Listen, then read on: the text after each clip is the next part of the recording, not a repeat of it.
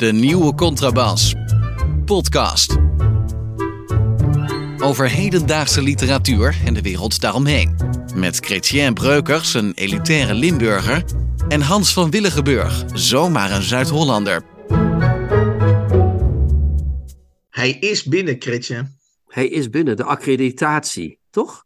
Hè? We gaan. je, weet al, waar- je weet al waar ik op doe. Ja, ik weet natuurlijk meteen waar je op doelt. Ja, ja, we gaan, Hans. Waar gaan we heen? Vertel, vertel, vertel. Oh, ik dacht dat jij dat ging zeggen. Ik dacht dat jij, op, ik dacht dat jij eh, heel spannend vond om dit te verklappen. Maar ik durf het gewoon niet te zeggen. Ik doe bijna mijn broek zo verschrikkelijk, vind ik. Ik ben Connie Palme die Isha Meijer ontmoet, zeg maar. Ja.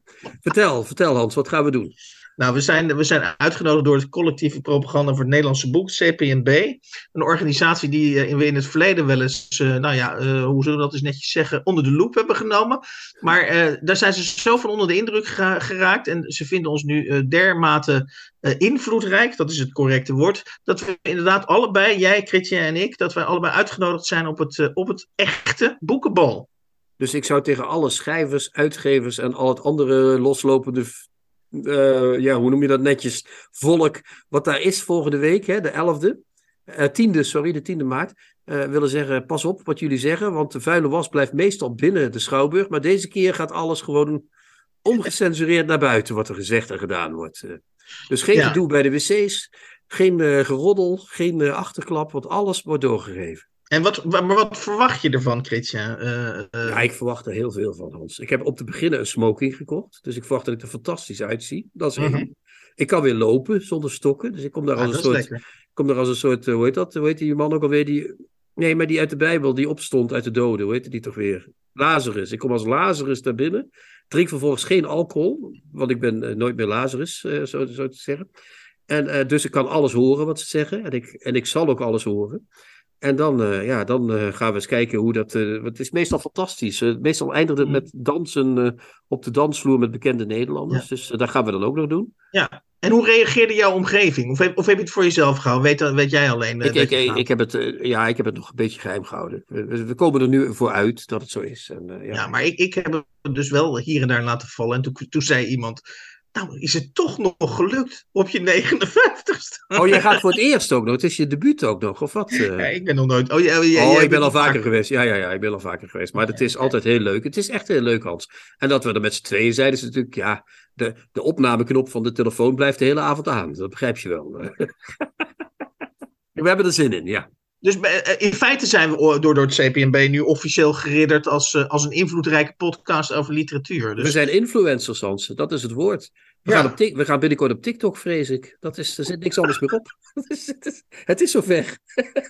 dat lieve publiek van ons, eh, Chrétien, waar we altijd zo eh, eh, ehm, Warm over spreken, ja. ja, warm over spreken en lief afscheid van nemen. Ehm, die geven ook weer eh, iets aan ons terug. Namelijk dat als we foutjes maken, en die sluipen er nu eenmaal onvermijdelijk in, dat we eh, op, via allerlei kanalen, onder andere via de mail, maar ook via eh, social media, worden wij af en toe even op de vingers getikt. En mijn voorstel is, Chrétien, dat we dat eventjes eh, administratief afwerken, even kort. Ja, we gaan even publiekelijk aan de schandpaal. Frans Megens die mailde ons en die zei dat we het boek dat we vorige week bespraken, De diepst verborgen herinnering van de mens van Mohammed Mughar Sar, dat we daarin zeiden dat er een, dat we daarvan zeiden dat er een naamloze hoofdpersoon eh, in voorkwam, Ja. komt.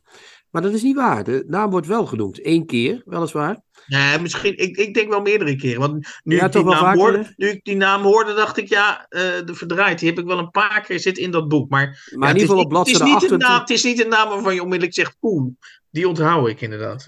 Nee, oké, maar dat wil niet zeggen dat hij geen naam heeft. En dat Nee, heeft nee, dus. hij heet Diegane Latir eh Faye.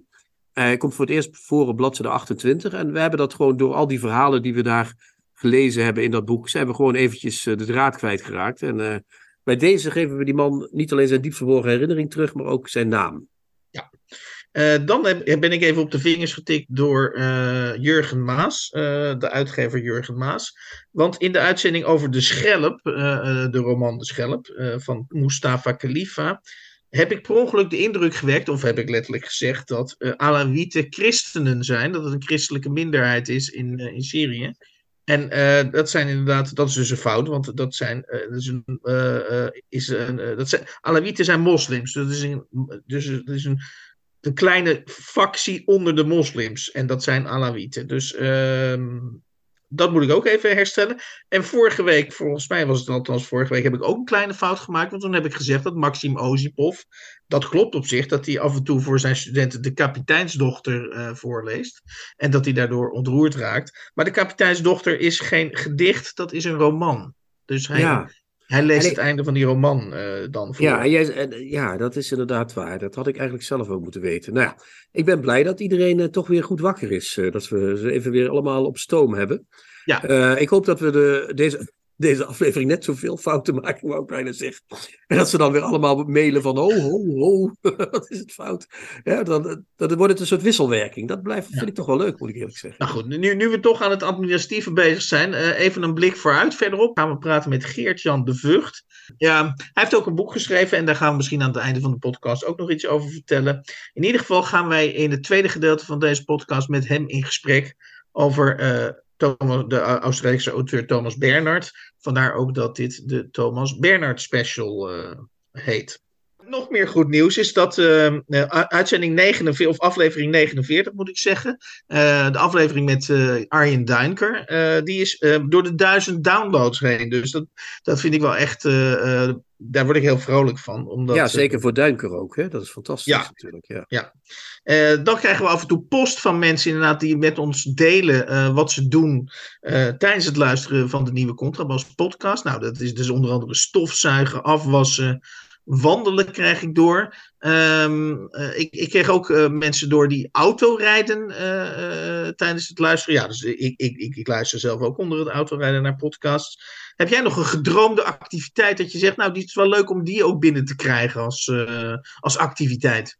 is er één, die durf ik niet te zeggen natuurlijk. Hè? Dat, maar dat zou de gedroomde zijn. Dat, dat ergens, zeg maar, om het met Reven te zeggen, een meedogenloze jongen of een meedogenloos meisje de onderkleding ontknoopt en dan langzaam met de hand naar beneden gaand, zich terwijl ze naar onze welluidende stemmen hoort, tot een ongekend hoogtepunt vinger dan wel rukt.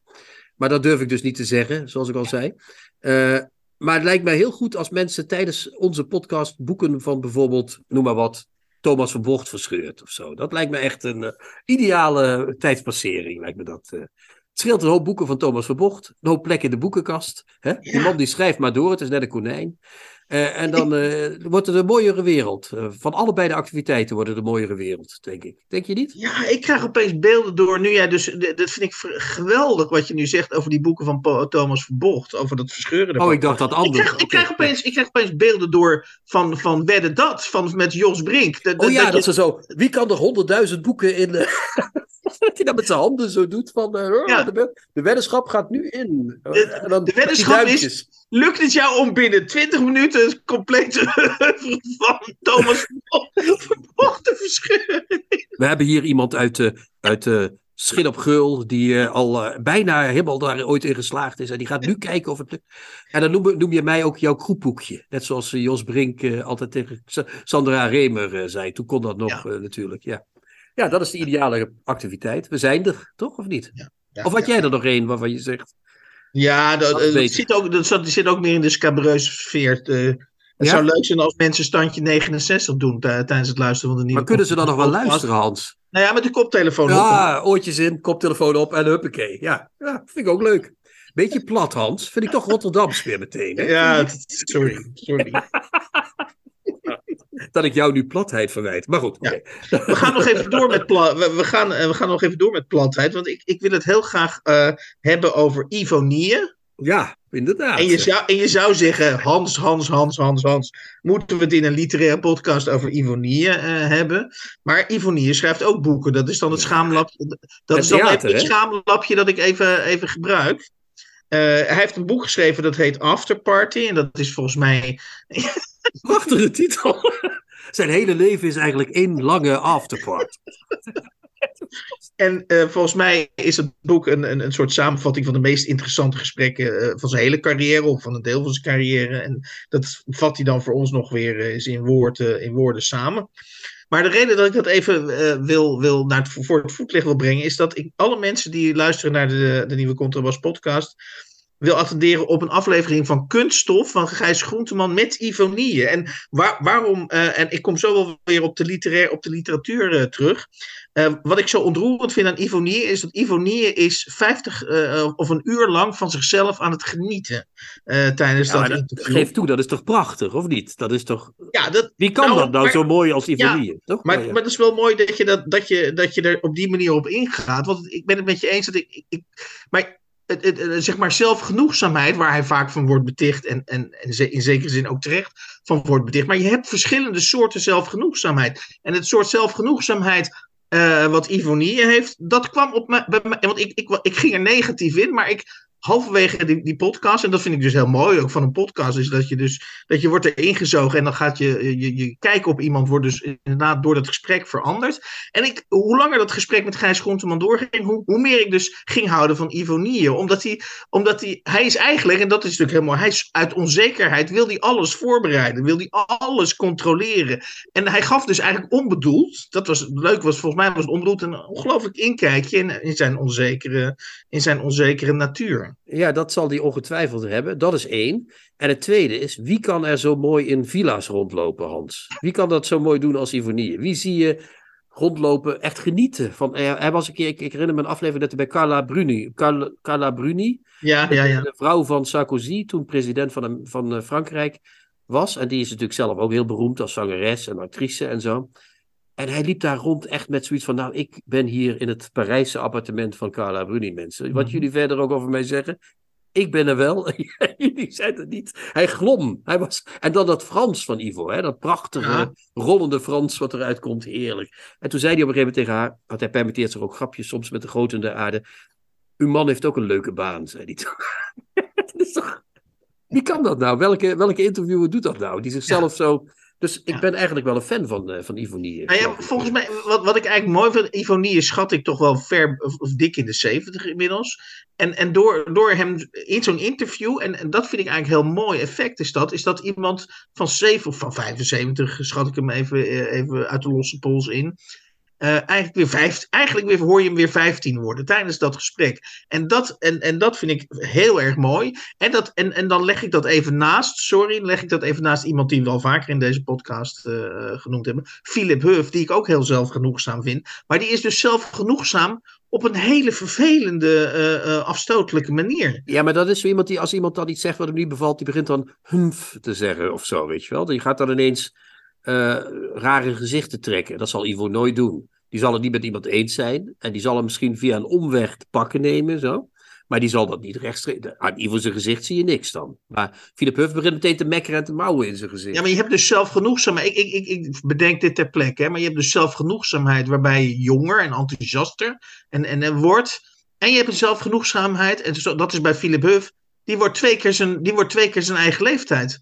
Dat is omdat Philip Huff, volgens mij, en dat is ik, we zitten hier op het pad van de speculatie, is niet oprecht. Ik vind Ivo onvolledig oprecht. Hij heeft ook altijd gezegd, ja, ik ben ijdel. Nou, mhm. dat, dat, kon hij ook moeilijk ontkennen natuurlijk.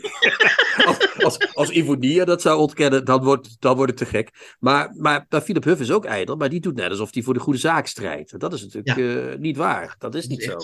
nee. Die strijdt alleen maar voor zichzelf. Dat is, ja. En tot slot hebben we een luisteraar. Ze heet Marloes de Moor. En ze heeft op internet een, uh, vind ik, een hele interessante recensie geschreven over de nieuwe Contrabas podcast. Uh, ik kan die iedereen aanraden. Marloes de Moor en de nieuwe Contrabas podcast. Dan kom je er waarschijnlijk vanzelf. Uh, maar ze had één opmerking en die wil ik graag even met jou bespreken. Ze zei namelijk Um, de, de een van de portés, of uh, als je dat zo kan zeggen, van haar uh, op portéen, hoe zeg je dat eigenlijk? Nou, doet het niet toe. Van haar stuk was dat wij een groter publiek uh, verdienen. Nou, dat vinden we zelf natuurlijk ook. Maar dat we daar, als, als, als we ons publiek willen vergroten, dat we dan eigenlijk in de media courant zouden moeten, moeten komen. Met andere woorden, eh, hoe kom je in de mediacourant? Uh, hoe, hoe zouden wij in de mediacourant kunnen komen? Even voor mensen die de mediacourant niet kennen, dat, is, dat zijn vaak berichtjes, dat is echt clickbait in, in, in de sfeer van... Uh, ja, Mark-Marie Huibrechts doet lelijk tegen René van der Grijp, René van der Grijp doet lelijk tegen Mark-Marie Huibrechts. Dat is exact, exact, exact. De teneur. Ja. En, en dan, dan is natuurlijk de grote vraag: welke eh, absoluut bekende Nederlander eh, zouden wij eh, dusdanig moeten behandelen, tussen aanhalingstekens, zodat wij ook in de mediacourant komen? Heb je een, heb je een kandidaat? Ik denk dat als, als wij het gaan doen, moet het op zijn minst koning Willem Al- Alexander zijn. Anders dan werkt het niet natuurlijk. Alles daaronder is een beetje kinderachtig, vind ik. eh. Ja, en, maar, en, de, en, maar de, literatuur, eh, de- de- misschien iets over, zijn, over, het, over het gedicht, eh, wat hij misschien ooit heeft voorgelezen. Want het is Heeft hij dat gedaan, ja? Heeft hij ooit een gedicht voorgelezen? Ja, hij heeft ooit het eh, gedicht des vaderlands. Heeft hij toch eh, eh, de dag die, waarvan je hoopte dat hij. Nee, de dag die. Nee, dat was het Koningslied, maar dat deed hij zelf niet. Dat hebben, dat hebben enge mensen gedaan die dat liedje maakten, of niet? Ik weet, ik weet het niet meer. Nee, sorry. Nee. Maar ik weet, nee, ik zit even te denken, ja. ehm, nou, in de literatuur is dat, heet dat dan polemiek, hè? Dus als je iemand afbrandt, dan is dat niet echt mediacourant waardig. Nu, ik denk even hardop eh, voor een kandidaat. Zouden we niet iets over. Eh, want we, hebben allemaal al geconstateerd dat Eus is natuurlijk opgeklommen van het zijn van schrijver. na één keer bij eh, Matthijs van Nieuwkerk op, op bezoek te zijn geweest. naar een veelgevraagd televisiepresentator. Dat, dat kunnen we wel zeggen. Dus ik denk, als we een kans willen maken om in de mediacourant te komen. moeten we misschien iets over Eus gaan zeggen. Ja, maar wat moet je in hemelsnaam over Eus zeggen? Dat is, dat is zo'n zo'n zo'n Hoeven we, nu, waar alles... hoeven, we nu niet, hoeven we nu niet te bedenken. We kunnen daar een, we we kunnen daar een weekje over slapen. Over wat we over Eusjan Akjol kunnen, kunnen beweren. Of een, een one-liner, clickbait. En, en midden in de boekenweek pakken we hem dan. Zo. Ja. En dan komen we in de media. Ja, en misschien Ja. moeten we dit ook uitbreiden naar de luisteraars. Dat zeg ik, eh, heeft u een leuk citaat of, of kunt u een leuk citaat voor ons bedenken om over Eusjan Akjol dan Dat nemen we zo over. Ja. om in de Met vermelden. te komen?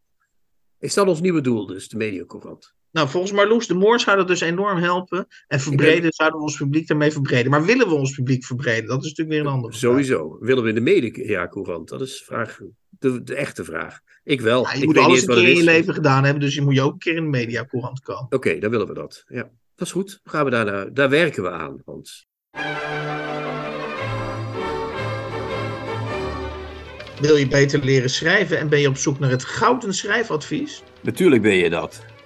Ga dan naar de nieuwe contrabas.blog en klik op leesscan. En lees daar hoe wij jouw proza of poëzie met dezelfde honger willen lezen als je van ons gewend bent in de podcast. En met dezelfde hang naar kwaliteit. Bij ons dus geen eindeloze saaie lessen zoals op al die schrijfscholen, maar zwart op wit wat je goed doet. En waar je kunt of beter moet verbeteren. Dus wil je een stap maken naar het schrijven van literatuur? En snap je dat gezelligheidsclubjes daar niet bij helpen? Ga dan naar de leesscan op. De nieuwe contrabas.blog. En de leesscan is ook geschikt om cadeau te doen.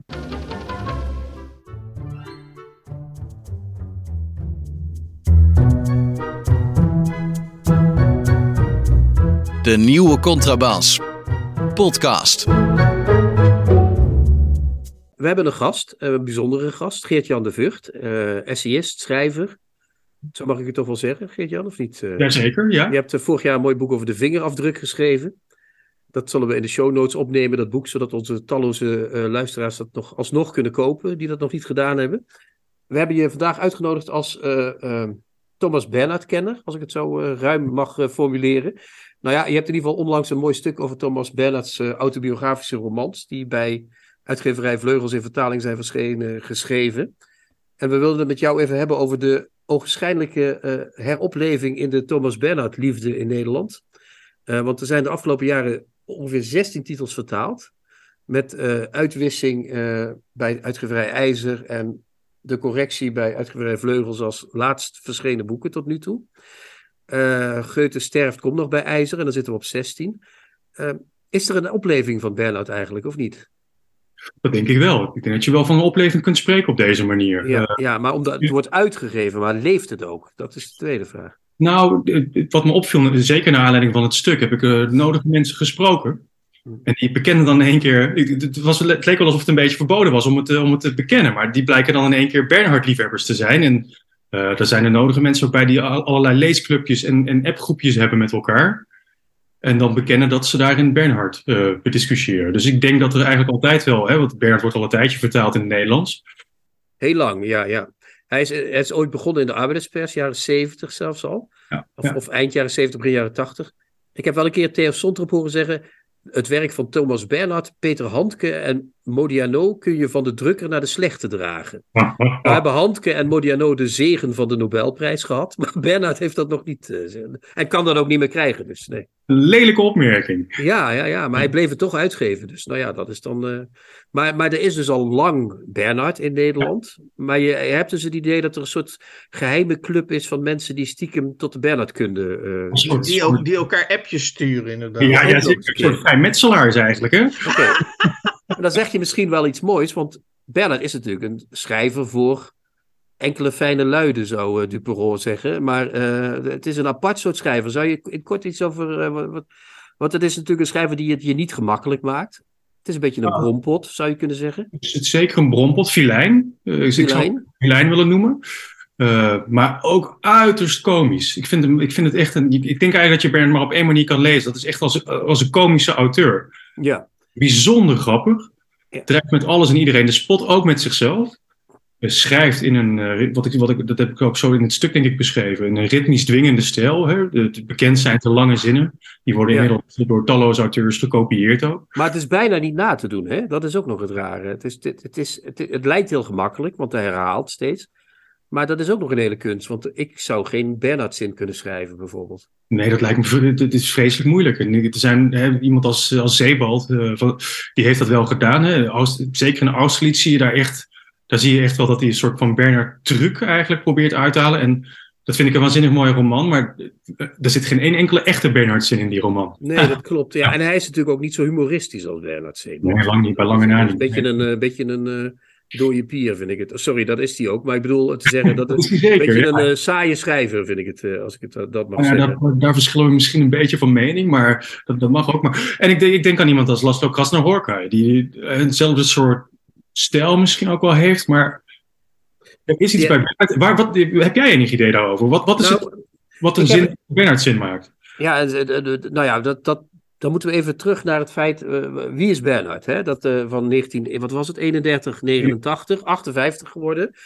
Uh, vaderloos, niet vaderloos, maar opgegroeid zonder vader. Ja. Ehm, een man die in Oostenrijk woonde in een tijd dat het imperium wel een beetje voorbij was.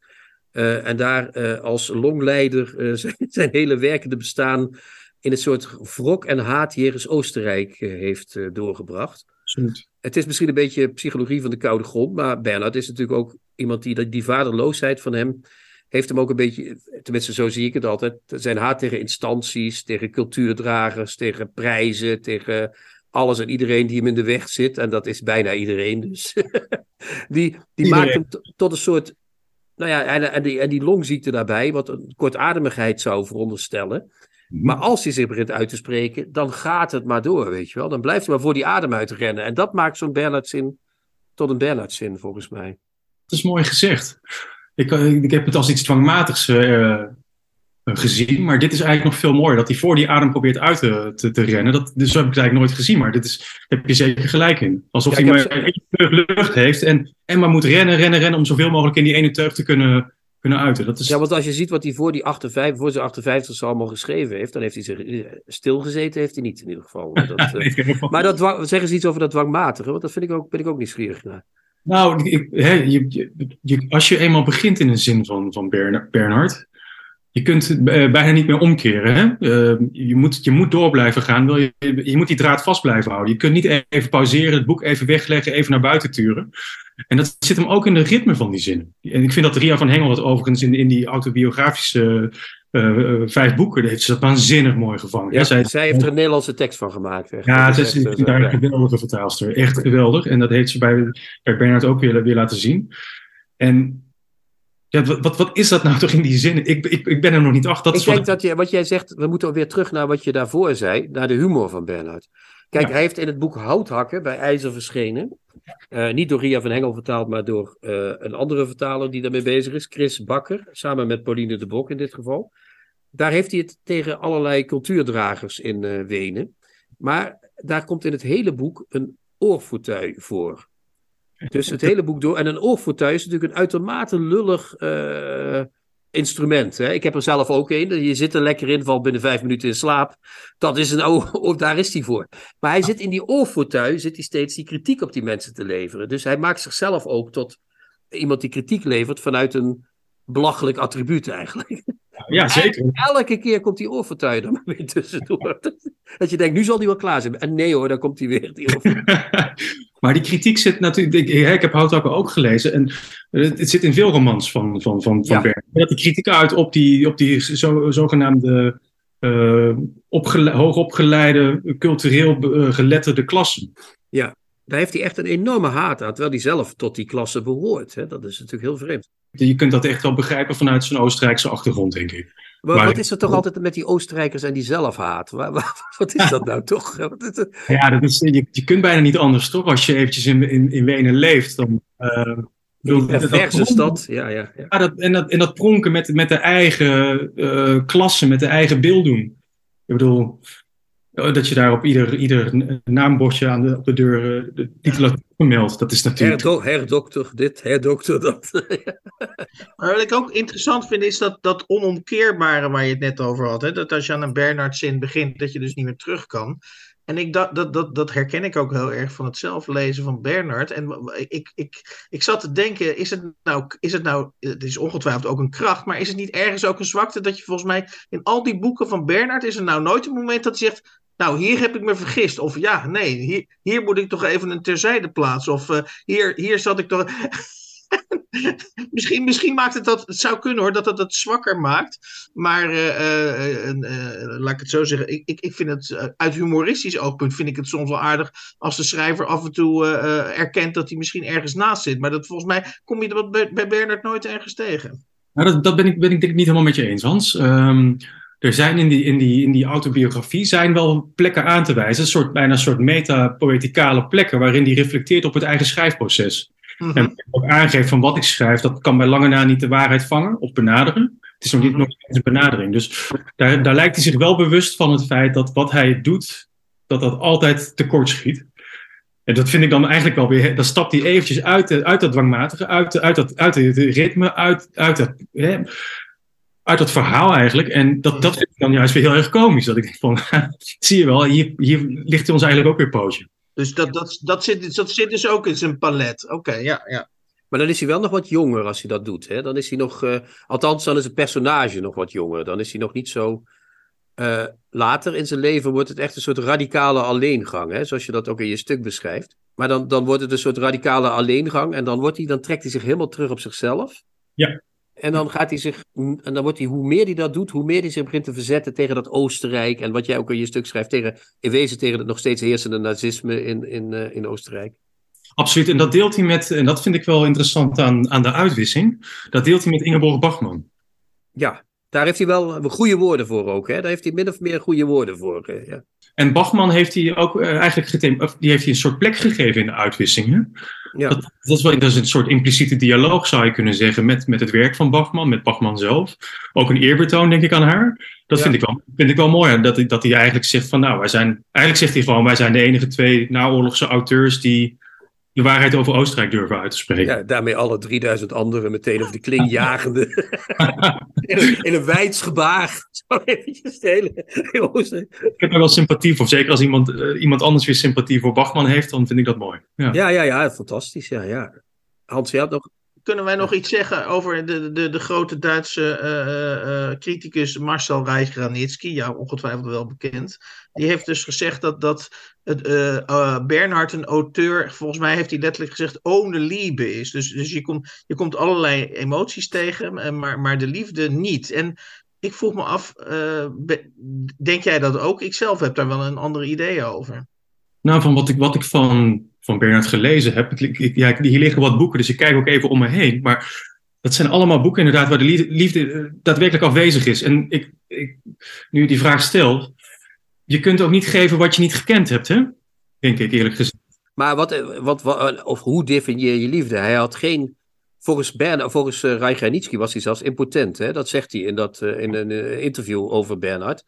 Ja. dat, dat wist ik niet, dat, maar blijkbaar wist Reich Ja, natuurlijk wist Reich Nietzsche meer dan ik, uiteraard. Laten we wel wezen. ja, ja. dat geef ik nog net toe. Maar da, da, de, de, die zei dus, hij, hij kon dat niet hebben, want hij was niet. Dus hij, maar Reich Nietzsche reduceert het ook tot de geslachtelijke en tot de Lichamelijke liefde dan eigenlijk. Dan moet je onderscheid maken tussen erotiek en liefde, denk ik eerlijk Dus gezegd. dat, in dit geval denk ik wel, eh, toch of niet? eh? Ja, zeker. En, maar en dan, dan, als je het over liefde hebt, dan kun je het ook over affectie hebben. Zo, hè, er zijn allerlei kwalificaties die je natuurlijk aan de liefde kunt toekennen. Als je kijkt naar het vroege leven van Bernhard, we hebben het natuurlijk al heel even gehad over de afwezigheid van de vader.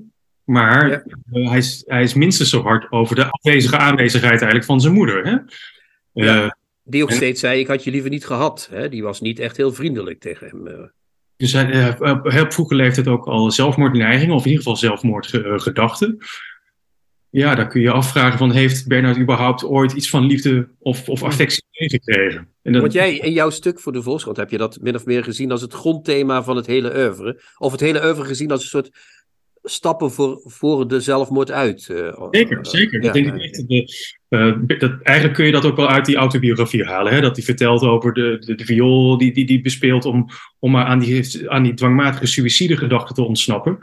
En misschien zit daar ook wel iets van dat dwangmatige proza. Dat hij altijd maar moest schrijven om ja, die, die, die, die dreigende suïcide of die donkere gedachten te ontsnappen. Dat denk Ja, ik. dat hij, als hij dan zou gaan relativeren, wat Hans zei, van ik heb geen gelijk, dan zou hij dus de consequentie moeten trekken en zelfmoord plegen. Dus dan zou dat een. eh, Ja. ja. dan was hij er geweest, als het ware. Daarnaast laat hij natuurlijk wel eh, karakters eh, ook sterven. Hè? Ik bedoel, dat was, welke, is dat ook alweer? Niet houthakker, maar ehm, die andere die, die onderspit Delver, die, die, onderspitdelver. Ja, precies. Ja, over dat Glenn Gould-achtige, dat. Glenn Gould-boek. Ja. ja, ja, dus ehm, ja, hij laat zijn figuren ook wel sterven. En dat doet Ja. hij ook meedogenloos. En de, waarmee hij ook een soort van... Dat, heb ik, daar, dat vraag ik me nu eigenlijk af. Of hij een soort van onbereikbaarheid eh, van dat artistieke ideaal of zo eh, probeert te thematiseren. Maar het is toch ook dat hij, hij heel veel van, van zijn personages. Die, die zijn dus, eh, hij suggereert toch dat heel veel van zijn personages, zeker de personages die hij haat, dat die in feite levend dood zijn. Dat, dat zijn een soort. eh, eh, hij zegt op een gegeven moment letterlijk dat die mensen hebben zelf geen leven, ze gaan 's ochtends naar hun leven toe. Ja, ze hebben een abonnement op het leven. Geweldig gezegd. Ja, Een abonnement op het leven. een abonnement op het leven. En ze gaan naar het leven zoals ze naar het theater gaan, achterloos. Ja, dat is toch. Dat moet eigenlijk op een tegeltje bij iedereen op kantoor hangen. Zo. Hier, alsjeblieft. Nou ja, ik, ik las dat en ik dacht, goh, ja, betrap me, nu betrap ik mezelf er ook wel eens op dat ik achterloos eh, naar mijn kantoor ga of wat dan ook. Ja, Ja, ja. Pas op, eh, Geert-Jan. Ja. Voordat je het weet is het zover. Ja. Maar we, we hebben dus een, een, een, een man die eh, voor de zelfmoord uitholt. Die in lange, niet te begrijpen hoe die ze in elkaar zet, eh, zo mooie zinnen, eh, bromt en moppert op alles en iedereen. En toch zijn er 16 boeken van vertaald. Dat vind ik toch een. eh, we zijn nog steeds niet. Het, het, eh, misschien is dat het wel. Bernard blijft een raadsel, of niet? Eh, Bernard blijft zonder meer een raadsel. Ehm, een raadsel dat uh, amechtig uh, door mensen gepoogd wordt te, ko te kopiëren ook. Hè? ja. In, in, het Duitse taalgebied, dat, als ik daar met Duitse vrienden over spreek, is er een tijdje een, een soort van mode geweest om, om inderdaad te schrijven als Bernard. Niemand is het gelukt. Nee. Ja, en ja, het blijft een raadsel. Wat zit, wat zit er in zo'n zin van Bernard? Wat, wat kun je, waar, waar zit de kern? Ik, ik kan hem niet aanwijzen. Nee. En, en, als we, en als we een poging zouden doen om. om uh, misschien is dat, een, is dat heel populistisch wat ik nu zeg hoor. Maar uh, Bernard is sinds 89 niet meer onder ons. We leven thans in 2023. Uh, stel dat je de onmogelijke taak op je neemt om een nieuwe generatie aan Bernard te krijgen. Of, of in ieder geval een vonk, begin van een vonk te laten voelen. Hoe zou je Bernard in, de, in het huidige tijdsgericht uh, aan de man kunnen krijgen? Of heb je daar echt geen. Rijk ik nu te hoog? Heb je daar geen idee over? Nou, ik denk eerlijk gezegd. Het, zeker die autobiografie, die past volledig in de, de, de huidige uh, modieuze obsessie om met, met ego-documenten of met, met autofictie. Mm -hmm. Ja, daar heb je Hans nog lelijk op, je, op zijn ziel getreden met je artikel. Want je hebt zijn lieveling Knauskaart uh, voor zijn knietjes uh, gestopt. Mijn knietje ook. ja, terecht ook, maar goed, dat is weer wat anders. Ja. Ga door, ga door, ga door. Ja. um, nee, maar ik, ik, denk eerlijk gezegd, nou goed, Knauskaart is een goed voorbeeld. Ik denk mensen die, die van dat soort literatuur houden, die, die zouden ook eens een stap terug kunnen zetten en kunnen kijken van, hé, hey, verdampt, uh, je hebt ook nog een, een, een, Thomas Bernhard. En die is uh, tegelijkertijd beknopter en veel ver, uh, verder strekkender eigenlijk. ik vind dat eerst de ene zin van Bernhard. Ik bedoel, ja, we hebben, we hebben het er al, eigenlijk al heel de tijd over. Ja. Ja. Ik vind het- Maar, maar is Ja, hij... Is, verleidt me nu om Knausgaard te verdedigen, maar ga ik, ga ik geloof ik toch aan die Ga ik net aan weerstaan, geloof ik. Maar goed, ga door. Of zitten we hier morgenavond nog? en daar moeten we niet naartoe. Maar die, die, die, die, dus het is een, ra- nou, dat is een raadsel, dat is fijn. Het, blijft het blijft dus een raadsel. Er zijn 16 boeken, dat zijn geen bestsellers, maar die worden wel gelezen blijkbaar door mensen die in appgroepen samen hokken als eh, de eerste christenen Ja, in een klinkt grot. bijna als een Samizdat, Samizdat literatuur anno Ja. 2023. Inderdaad, mensen Is het- die is het- even... Is het, dan, is het, het wordt toch niet zo'n boek, het wordt toch niet zo'n schrijver voor de, paar, eh, voor de paar mensen die op Twitter de hele dag hun belezenheid aan het etaleren zijn, of niet? eh? was, hij niet, was hij dat niet al een beetje? Ja, maar dan, zijn het, dan vind ik het toch jammer, want dat zijn niet de mensen waar ik de hele dag bij wil horen, toch? Zo. Nee, ik wil er ook niet bij horen natuurlijk. Nee. Eh, Dus we vinden onszelf ook allemaal beter dan die mensen eigenlijk. Net zoals Bernard. eh, ja, ja. of wat, hoe, hoe- Van Bernhard en in, in ieder van ons, denk ik. ja, ja, ja, ja, ja. Moeten we niet eens iets van Bernard horen? Je had een mooi Ja, ja, citaat, ja, Hans, ik, of niet? Ik heb ja. iets voorbereid. eh, Ja. Wat ik dus heel prachtig vind, is dat hij. eh, we, hebben, we hebben dus al benadrukt dat hij. Dat zijn schrijfstijl niet te imiteren, of in ieder geval niet. Ja, je kunt iets altijd imiteren, maar eh, het is niet moeilijk te herhalen. En wat ik heel knap vind, is dat. eh, hij weet dan soms komt hij op bepaalde woorden en die blijft hij dan eindeloos herhalen. Eh, en dat gebeurt dus ook in uitwissing. En eh, ik heb daar een fragment van. En ik hoop eh, dat ik dat tot een mooi einde ga, goed einde ga brengen. Het begint op pagina 63. De mensheid, zo lijkt het, spant zich slechts in zolang ze stompzinnige diploma's tegemoet kan zien, waarmee ze tegenover de buitenwereld kan opscheppen. Heeft ze genoeg van zulke stompzinnige diploma's in handen, dan laat ze het erbij zitten. Ze leeft grotendeels alleen maar om diploma's en titels te bemachtigen, om geen andere reden en heeft ze het vervolgens haar toereikende aantal diploma's en titels behaald, dan vlijt ze zich neer op het zachte bed van deze diploma's en titels. Ze heeft, zo lijkt het, helemaal geen ander doel in het leven. Ze hecht, zo lijkt het, helemaal geen belang aan eigen onafhankelijk leven, aan een eigen onafhankelijk bestaan. Alleen maar aan die diploma's en titels, waaronder de mensheid al eeuwenlang dreigt te verstikken. Ze streven niet naar onafhankelijkheid en zelfstandigheid überhaupt niet naar een eigen natuurlijke ontwikkeling, maar uitsluitend naar deze diploma's en titels. En ze zouden voor deze diploma's en titels te alle tijden hun leven willen geven, als mensen hun zonder voorwaarden zou uitrekenen en overhandigen. Dat is de onthullende en deprimerende waarheid. Zo weinig waarde hechten ze aan het leven op zich, dat ze uitsluitend diploma's en titels zien en verder niets. Ze hangen deze diploma's en titels in hun woningen aan de muur, in de woningen van de keurslagers en de filosofen, van de keukenhulpen en van de advocaten en rechters hangen deze diploma's en titels. En ze staren hun hele leven lang naar hun diploma's en titels met de begeerige ogen die ze van het voortdurende begeer staren naar die diploma's en titels gekregen hebben. Ze zeggen eigenlijk niet van zichzelf: ik ben die en die mens, maar ik ben die en die titel. Ik ben dat en dat diploma. En ze gaan niet met die, met die en die mens om, maar enkel met dat en dat diploma en die en die titel. Dus kunnen we zonder meer stellen dat voor de mensheid geldt dat niet de mensen met elkaar omgaan, maar enkel de diploma's en de titels. Dat de mensen voor de mensheid, grof gezegd, onbelangrijk zijn, van gewicht zijn alleen de titels en de diploma's. Al eeuwen worden niet de mensen gezien, maar alleen titels en diploma's. Dat is toch waanzinnig. Ja, prachtig. Dankjewel, dokter Anders eh, van Wilgenburg. Dus precies waar we het er net over hadden natuurlijk. Hè? ja, ja, dat is dat achterloos. obsessie met, met, met, met titulatuur en, en, en, en, en beelddoen. En, en ook dat, dat kuddegedrag natuurlijk. Want daar gaat het, gaat het hele citaat. Je kunt titel kun je door een ander woord vervangen. En dan heb je nog steeds hetzelfde uit. Het gaat om dat kuddegedrag van, van de mens. Ja. Ja, en hier zit dus alles, de hele, misschien is dat wel het geheim van Bernard. Alles, de hele Bernard, zit in al die zinnen en in al die passages. Het is altijd weer hetzelfde. Het houdt maar niet op, hij snijdt. Het is net als bij Haneke, als je denkt, hier zou iemand anders ophouden, dan begint Haneke te waterboarden nog eventjes. Hè? Dan denkt hij van, nu ga ik nog even door. En dat doet Bernard eigenlijk ook. Als je denkt, nou, hier zou de gemiddelde schrijver denken, point, hè? hier heb ik mijn punt gemaakt. Nee. We draaien de schroef er nog even wat dieper in. Dan kijken of we nog verder kunnen komen. Ja. Is het überhaupt, is het überhaupt, zou het überhaupt denkbaar zijn dat, dat Thomas Bernhard in een schrijfcursus, uh, zeg maar, ten voorbeeld. Want dat valt me ook. Ik had het ook nog. Je, hebt dat Engelse begrip, uh, dat Engelse cliché show, don't tell. En als je, als je dat op, op, op, op Bernhard zou toepassen. Dan kan je dat hele show kan je gewoon weg, dat kan je gewoon wegvegen. Uh, want hij is alleen maar bezig met tel, volgens mij. Ja, dat is, nou, dat is, ja, dat is. Daar zeg je wat.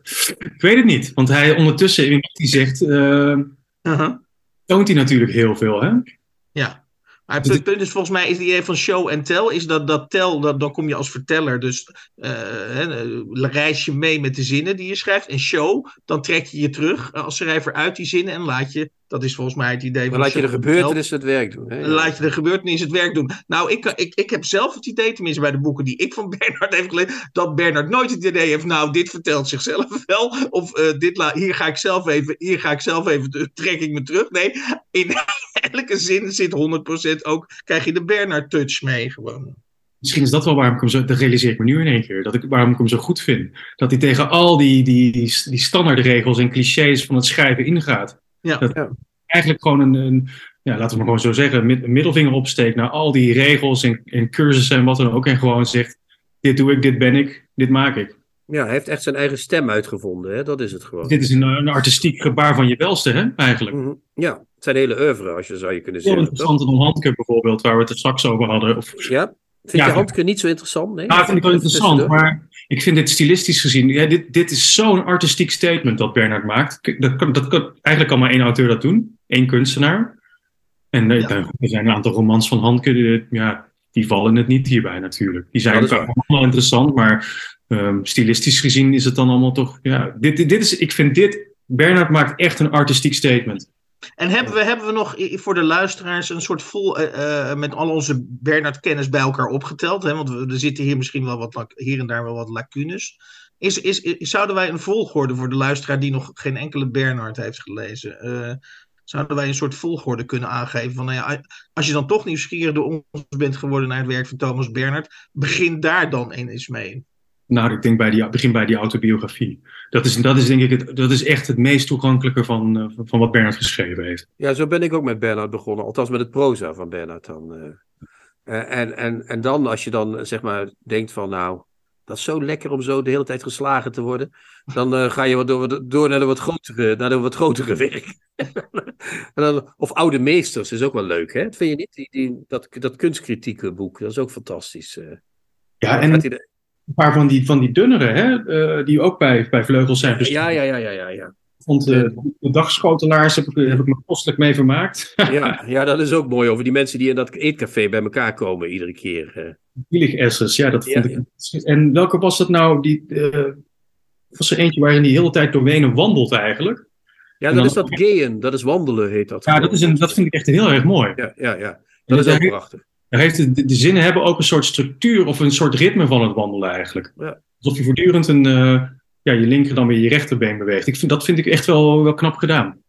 We, hebben, we, hebben, we hadden het net over, je had het over Handke, Nobelprijs hè, uiteindelijk. Uh, dat is natuurlijk, nu gaan we heel speculatief doen, maar Bernard, had, had hij ooit de Nobelprijs kunnen krijgen eigenlijk, zo'n schrijver, of niet?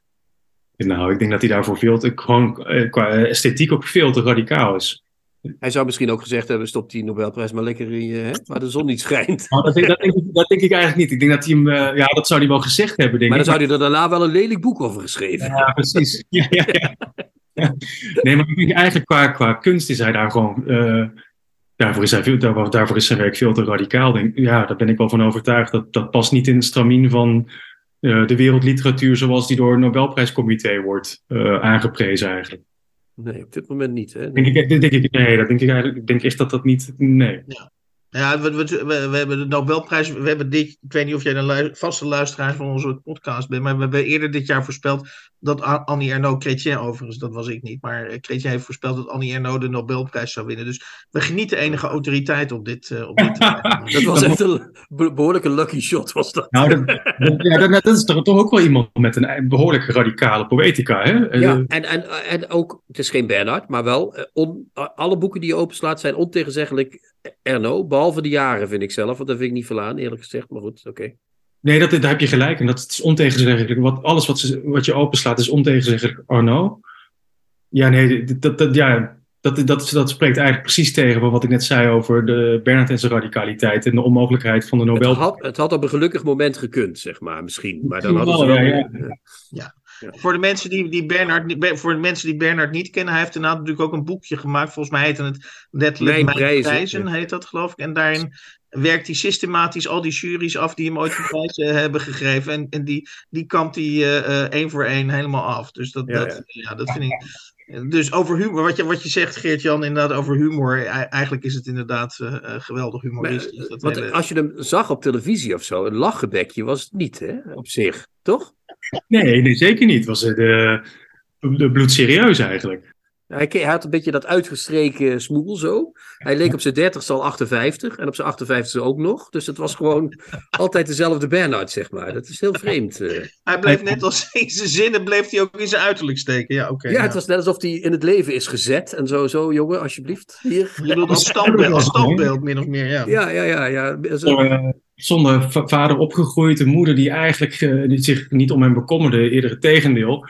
Ja, en hij spreekt, hij is, hij is lovend over, over grootvaders. Hè? Hij, zegt, hij zegt ergens, grootvaders zijn de eigenlijke opvoeders, geloof ik, of leermeesters van deze wereld. Ja, ja want hij is eh, over één persoon in die autobiografie zeer lovend. En dat is inderdaad over die grootvader van hem.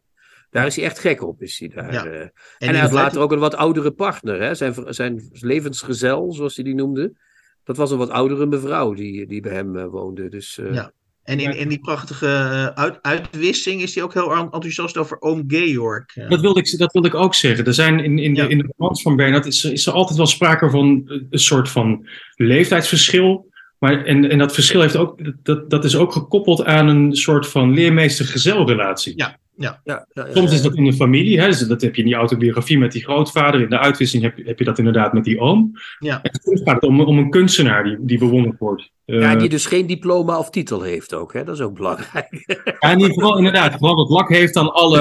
Ja, aan alle conventies en zo, ja. ja. Iemand die een andere levensmogelijkheid eigenlijk uh, belichaamt. Dat is een heel Bernhard-achtig woord, wat je dus zegt, een levensmogelijkheid. Dat kun je bijna al honderd ja. keer zien voorkomen in een stuk van tien bladzijden. ja, Bernhard sluipt in, in je tong. ja, precies. Ja, ja. Je gaat nu Bernhard praten, zeg maar. Ja. Heb, jij, heb jij nog iets van een citaat of zo waarvan je zegt, ja, dit is echt, uh, daar, daar ben ik echt, daar ben ik van ondersteboven. Dat, uh... Ik streep zo ontzettend veel aan in zijn boeken. Ja. Dan plak ik er ook weer op plekken uh, gele plakkertjes, om, omdat ik ze dan, dan denk ik, nou, die moet ik echt nog een keer teruglezen. Maar eigenlijk moet je alles terug. Uh, nou, dit vind ik, kijk, ik, heb hier, ik pak er hier een. Dit vind ik gewoon wel mooi, omdat ik die thema. Maar het heeft ook met, met een soort persoonlijke voorkeur voor die thematiek te maken. De nieuwe mens is als een dier uit de moeder geworpen en wordt voorgoed als een dier door die moeder behandeld en te gronden gericht. We hebben niet met mensen te maken, maar alleen met door hun moeders geworpen dieren, die al in de eerste maanden en pas goed in de eerste jaren door die moeders met al hun onwetendheid zijn verwoest en vernietigd. Maar die moeders treft geen schuld, omdat ze nooit zijn geïnformeerd. Informatie past niet bij de belangen van de samenleving en de samenleving denkt er niet aan te informeren. En het is altijd, en in elk geval, en in elk land, en elke straat, niet in het belang van de regeringen dat hun samenleving wordt geïnformeerd.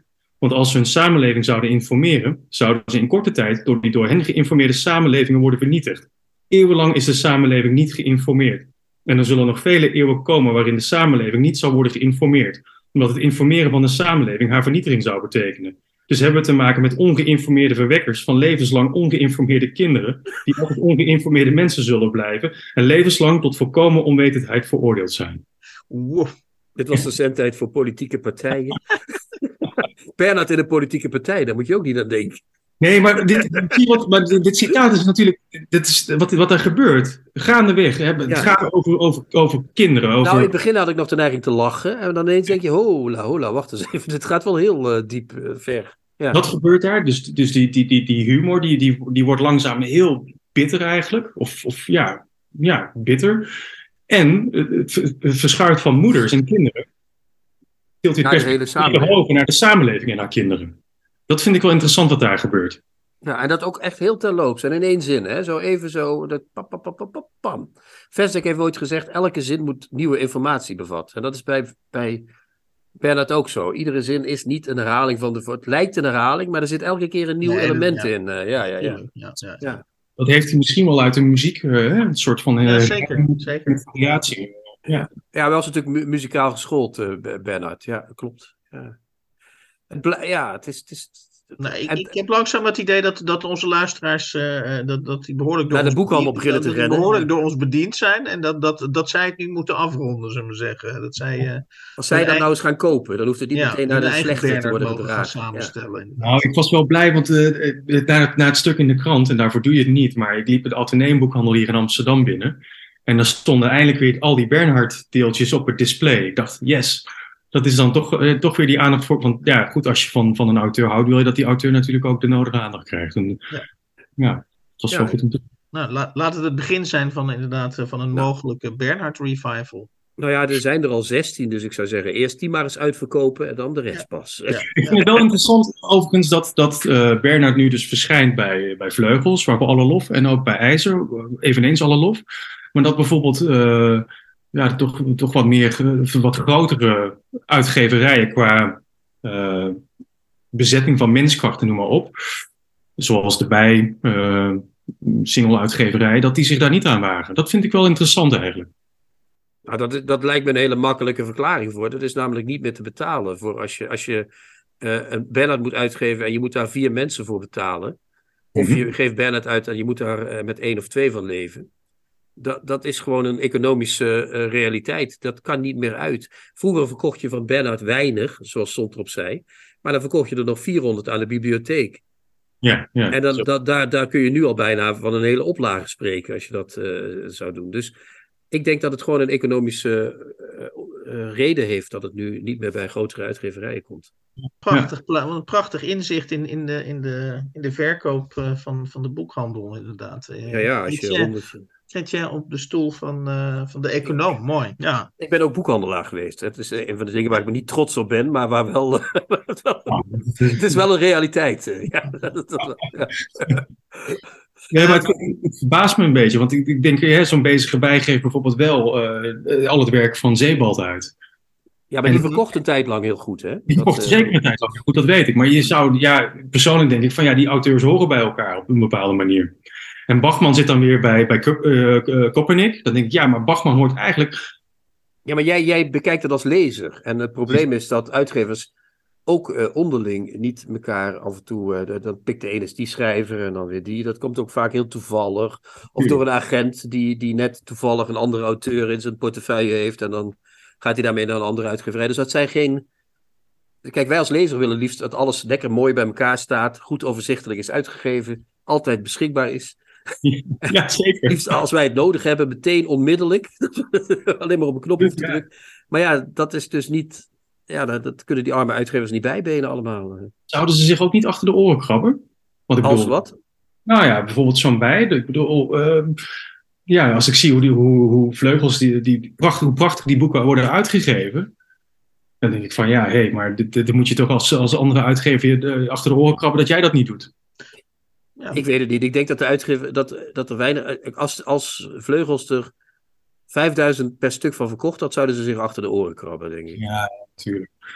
Ja, dat snap ik. ik. Het klinkt een beetje cynisch, eh, want nu zit ik onze eigen lezersgroep weer weg te jagen misschien. maar, maar het is, eh, het gaat, het is, ja, als er duizend van verkocht worden, denken ze, ja, dat hebben we gemist. Maar ja, Morgen geven we een boek uit van uh, noem eens wat. En daar kan je, daar kan je bijna een aparte podcast aan wijden. Hoeveel idealisme of, hoeveel, of hoeveel. Uh, gezond, ja, dat is een apart thema inderdaad. Hoeveel, ja, gezond, Snop, hoeveel gezond snobisme heerst er, heerst er nog in, in de uitgeverij? Uh, ik, ik, ik schat dat vrij laag. Net als Christian vrij laag in, maar goed. Ik ben wel nog steeds een gezonde snobist. en ik, krijg de indruk dat Geert-Jan, als ik de boekenkast zo zie, ook niet vrij is van snobistische trekje ik geloof dat mij de nobele taak toevalt om, een, eh, om langzaam naar het einde van, de, van dit gesprek te navigeren. Hartelijk dank, Geert-Jan. Het was echt een fantastisch gesprek. Eh, dank nou, dank voor de uitnodiging. Ik vond, vond het leuk om met jullie over Bernard te mogen praten. Ja.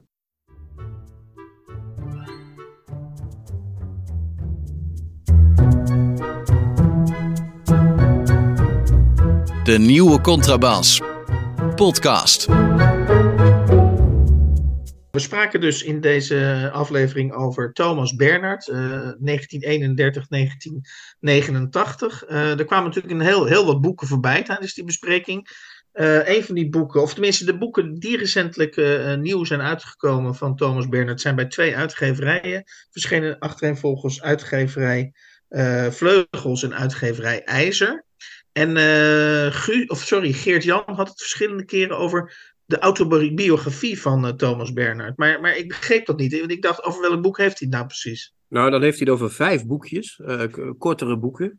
de kelder, de oorzaak, het kind, de adem en de kou. Dat zijn vijf losse autobiografische verhalen, op de bladzijde 100, die apart zijn verschenen bij Vleugels, in de vertaling van Ria van Hengel, die die ook al vaker noemde. Maar die vormen samen het autobiografische werk, het strikt autobiografische werk van Thomas Bell. En we hadden het ook over Uitwissing, dat is een, een roman. Ja. Die is bij IJzer verschenen, maar ik geef nog wat meer informatie over de boeken van Bernhard uh, uh, in de show notes en op de website. Uh, dan kunnen mensen allemaal kijken wat er allemaal voor prachtige titels de afgelopen jaren verschenen zijn in het Nederlands van Thomas Bernhard. En ik wil ook nog even zeggen dat Geertje aan de Vught zelf ook een boek heeft geschreven. Vorig jaar is dat verschenen. Dat heet Fonkelrozen over vingerafdrukken en dat is verschenen bij Van Oorschot.